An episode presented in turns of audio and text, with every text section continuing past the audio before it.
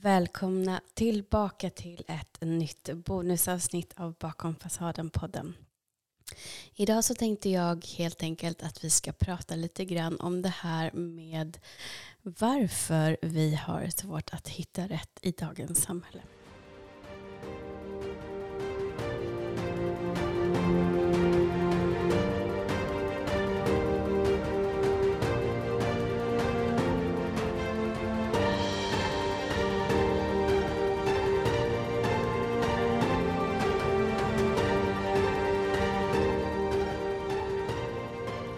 Och jag vill också säga att det här är bara mina rent personliga tankar efter de senaste åren som jag ändå har lagt ganska mycket tid på att eh, försöka förstå både mig själv och andra personer.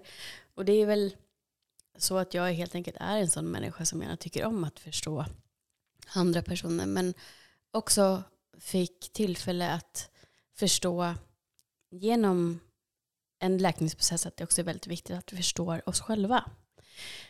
Men sen så har jag och mina vänner pratat om att även om det är väldigt många som jobbar med sig själva, det kan vara alltifrån så kallad vanlig självutveckling, att man vänder blicken inåt helt enkelt, till att man också sedan också går i terapi.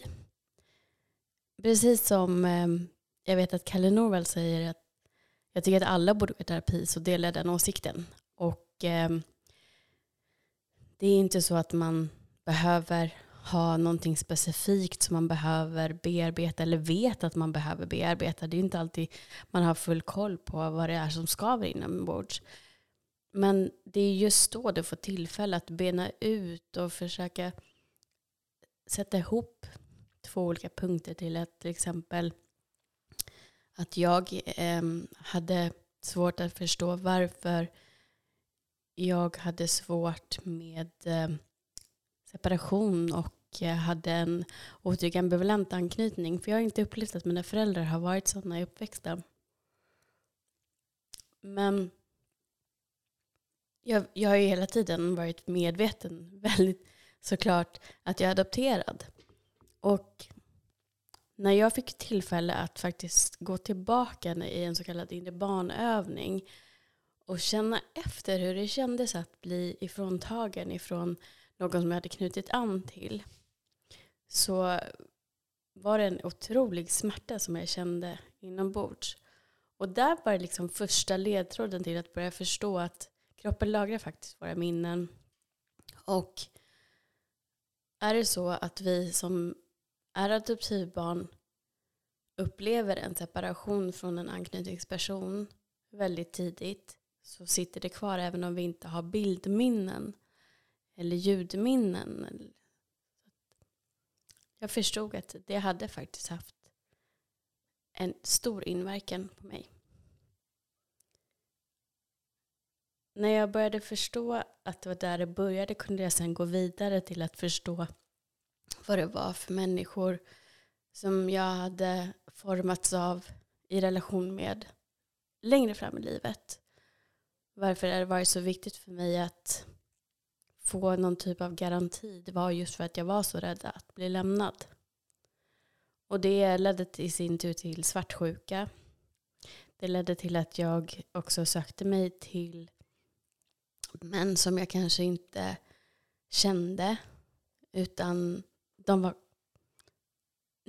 alltså de var kanske typ intresserade för att jag var den nya tjejen i skolan. Och nu tänker jag framförallt när jag började på gymnasiet i en annan stad.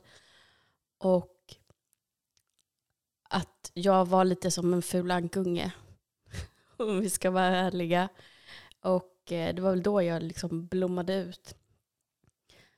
Men jag kan inte säga att jag var kär i de killarna allihop. Som jag dejtade under gymnasiet. Men likväl så var det svårt när det tog slut. Och en del av det tänker jag har också att göra med att jag är högkänslig, att jag tar saker hårdare. Eller jag vet faktiskt inte om jag gör det längre. Ehm, men det handlar ju om att jag har lärt mig hantera det och lärt om mycket. Men då, i tonåren, så var det väldigt, väldigt jobbigt. Även om jag kanske inte när jag tänker tillbaka kan säga att jag var jättekär så var det ändå en separation. Eh, och det var inte ens långa relationer. Men där såg jag också någonting jätteintressant som eh, Sanna hade lagt upp eh, på sitt konto, Sanna Dating Coach. Eh, jag tror att hon hade hittat det på TikTok och det var en terapeut tror jag som förklarade varför kroppen reagerar starkare på uppbrott efter kort tid än vad den gör vid när till exempel en långvarig tioårig relation tar slut. För att man då hade hunnit gå igenom flera stadier än vad man har när man är tillsammans en kortare period. Och då känns kroppen också, som jag förstod det, snuvad på konfekten lite grann. Att man är inte klar där liksom. Och jag tror det också har jättemycket att göra med när vi tyvärr också i dagens samhälle ghostar varandra, eh, inte ger varandra en chans att sitta och prata om vad var det som hände eh, och så vidare. Utan man, man får skapa sina egna avslut och är man till exempel då som jag var eh, otrygg ambivalent så har man inte det rent naturligt att man skapar egna avslut utan det är någonting man måste lära sig. Att ett avslut kan se ut på ett sätt som gör att man helt enkelt släpper taget och går vidare det behöver inte vara den andra personen som förklarar varför det har tagit slut eller varför de väljer att avsluta relationen. Om det nu är så. Så att det, det har också varit någonting som jag tänker att det är så himla viktigt att vi får reda på vår anknytningsstil så att vi har en chans att förändra den. Och sen så kan det ju förändras igen. Det beror, ju också på vad vi, vad vi gör med, med våra val och våra relationer och allt som vi inte kan påverka. Men att också inse att du har makten över det som du faktiskt kan påverka. Jag tänker att det ändå har varit det viktigaste att få förstå. Få förstå varför man till exempel känner sig kvävd när någon kommer nära. Eller man känner att man uppfattar små, små förändringar i den andra som triggar igång en ångest och en rädsla för att bli lämnad. Att man då vill ha garantier eller att man vill förstå hur man ska kunna göra för att få en titel på relationen för att då tror man att till exempel bara vi säger att vi är tillsammans så kommer, kommer jag få en typ av garanti att jag inte blir lämnad. Men så är det ju inte. Man kan bli lämnad oavsett. Det viktiga är ändå att du lär dig att vara dig själv närmast och att du kommer alltid finnas där för dig själv. Sen jag blev trygg med att jag alltid hade min egen rygg. Att jag aldrig kommer lämna mig själv. Så har jag inte haft någon ångest. Och jag har inte haft tankarna på samma sätt. Men å andra sidan så har jag inte heller utsatt mig för det hela vägen. Jag har dejtat. Jag har pratat. Men det är ingen som har varit den som hjärtat har öppnat sig för. Och jag vet att det kommer bli svårt.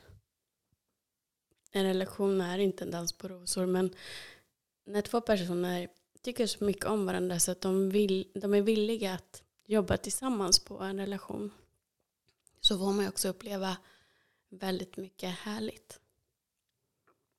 Och det, det behöver inte vara en katastrof om man är oense utan man kan se det som en möjlighet till utveckling. Att vad är det egentligen som gör att vi krockar här? Vad är det som händer i dig och vad är det som händer i mig? Så länge man kan prata om saker och fördelaktigt är också att ta in en tredje part i början. Jag vet att vi har pratat mycket om det senaste åren. Att många har svängt ifrån att tänka att parterapi det är bara någonting för par som har fått problem efter en längre relation. Men att gå i parterapi för att få bästa verktygen att kommunicera och föra relationen framåt i förebyggande syfte. Jag menar, tänk igen hur bra. Det är liksom egentligen för mig och många andra som har tänkt mer i de banorna det ultimata. För då kommer du också förstå vad det är som händer när ni kommer på kant med varandra. Så jag tycker verkligen att det är någonting som man ska tänka sig och kunna prata om att när man har bestämt sig för att jag väljer dig och båda känner likadant och att det här är någonting som jag verkligen vill se vad vi kan ta det. Och jag är kär i dig. Och du i mig.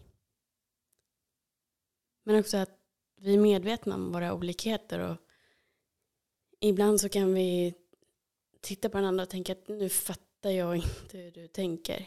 Att man då kan få hjälp att uttrycka det på bästa sätt. För det är inte bara att sitta, sätta sig och prata. Ibland så tolkar man ju varandra helt fel. Och behöver nästan som någon som översätter och tolkar åt en. Och då kan det också vara jättefint och fördelaktigt att gå i parterapi. Men just det här med anknytning. Det blir liksom aldrig nog pratat om det. Och jag förundras över hur det inte tas upp mer i datingprogram på olika sätt. För om man verkligen vill se hur två personer kommer fungera, var de kommer krocka någonstans och var de faktiskt kompletterar varandra, då är det, i alla fall för mig, så tänker jag att det är det ultimata. Och då kan man också förutse, var någonstans kommer de krocka? Vad är det de behöver jobba på? Vad är det de behöver förstå för att också inte skada varandra i triggers? Om man då kan få med sig det när man går in i en relation om det är ja, till exempel att gifta vid första ögonkastet. Och att man parar ihop personer som man tänker att det här har de ändå en chans.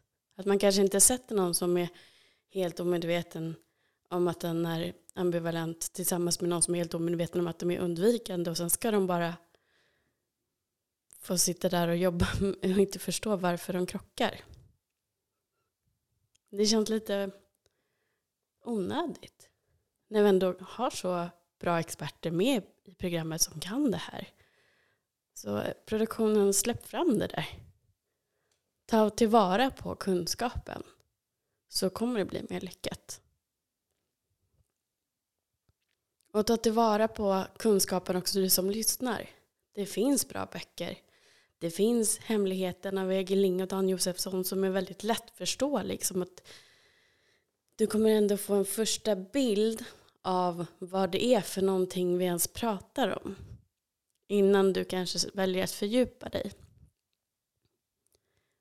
För det kan kännas kanske lite överväldigande om du bara dyker rakt ner och inte riktigt vet vad det är vi pratar om. Du kanske inte riktigt förstår vad det är de olika typerna kännetecknas av. Och det kan också vara så att du inte förstår att okej, okay, är man då 100% ambivalent? Eller är man 100% undvikande eller desorganiserad? För så är det inte heller. Utan du, du har liksom valt dina skyddsmekanismer som kategoriseras olika utifrån din specifika situation, hur du har knutit an till andra människor när du växer upp. Så du kan ju känna att du i relationer med vänner är jättetrygg eller är väldigt ambivalent medan du har tagit till skyddsstrategier som är mer åt undvikande hållet i kärleksrelation. Och då blir det jätteförvirrande när du inte riktigt själv kanske kan sätta dig själv i ett fack och har ett behov av att göra det för, för att förstå och veta ens var du ska börja någonstans. Och därför så finns det också många bra terapeuter idag som har den kunskapen som kan hjälpa dig. Och bra test. För det är också så att det är allra, allra mest i kärleksrelationer som våra otrygga anknytningstyper gör skada så att säga. Det är där vi lider mest av det. För ofta så är vi mer trygga i relation till vänner. Kanske för att det har blivit tryggare från början i anknytning till vänner. Och kanske för att vi har byggt upp en falsk bild utav vad kärlek är genom media, normer och film. Och de förväntningarna också skapar en orealistisk bild efter, av vad vi ska söka efter. Och därför så blir vi också så otrygga när vi inte hittar det som vi söker och inte tror heller att vi söker efter någonting som inte finns, men det gör vi. Så vill du börja läsa lite grann nu i sommar som har med anknytning att göra så börja där. Börja med hemligheten. Och sen så ska jag lägga in lite länkar till andra böcker. Det är en del böcker på engelska. Jag vet att alla tycker inte att det är jättelätt att läsa på engelska. Men jag ska dela med mig ett trick som jag fick med mig när jag började plugga i USA så fick alla vi som var utländska studenter gå en särskild engelska klass. Och där sa de att börja med bara skumläs. Så att du får ett sammanhang av vad texten handlar om. Fastna inte vid ord som du inte kan. När du då har skumläst en gång så kan du läsa igenom en gång till. Och då markera de orden du inte förstår. Och kolla upp dem. Så då har du fått ett sammanhang med några luckor som du sen kan fylla när du slår upp orden. Och är det så att det är något specifikt som du absolut inte förstår ens sammanhanget av så eh, släng iväg ett mess till mig på Instagram så ska jag hjälpa dig. Med det så är veckans sommarbonusavsnitt slut och jag hoppas att du har en jätte, jättehärlig dag och verkligen fortsätter att ta hand om dig.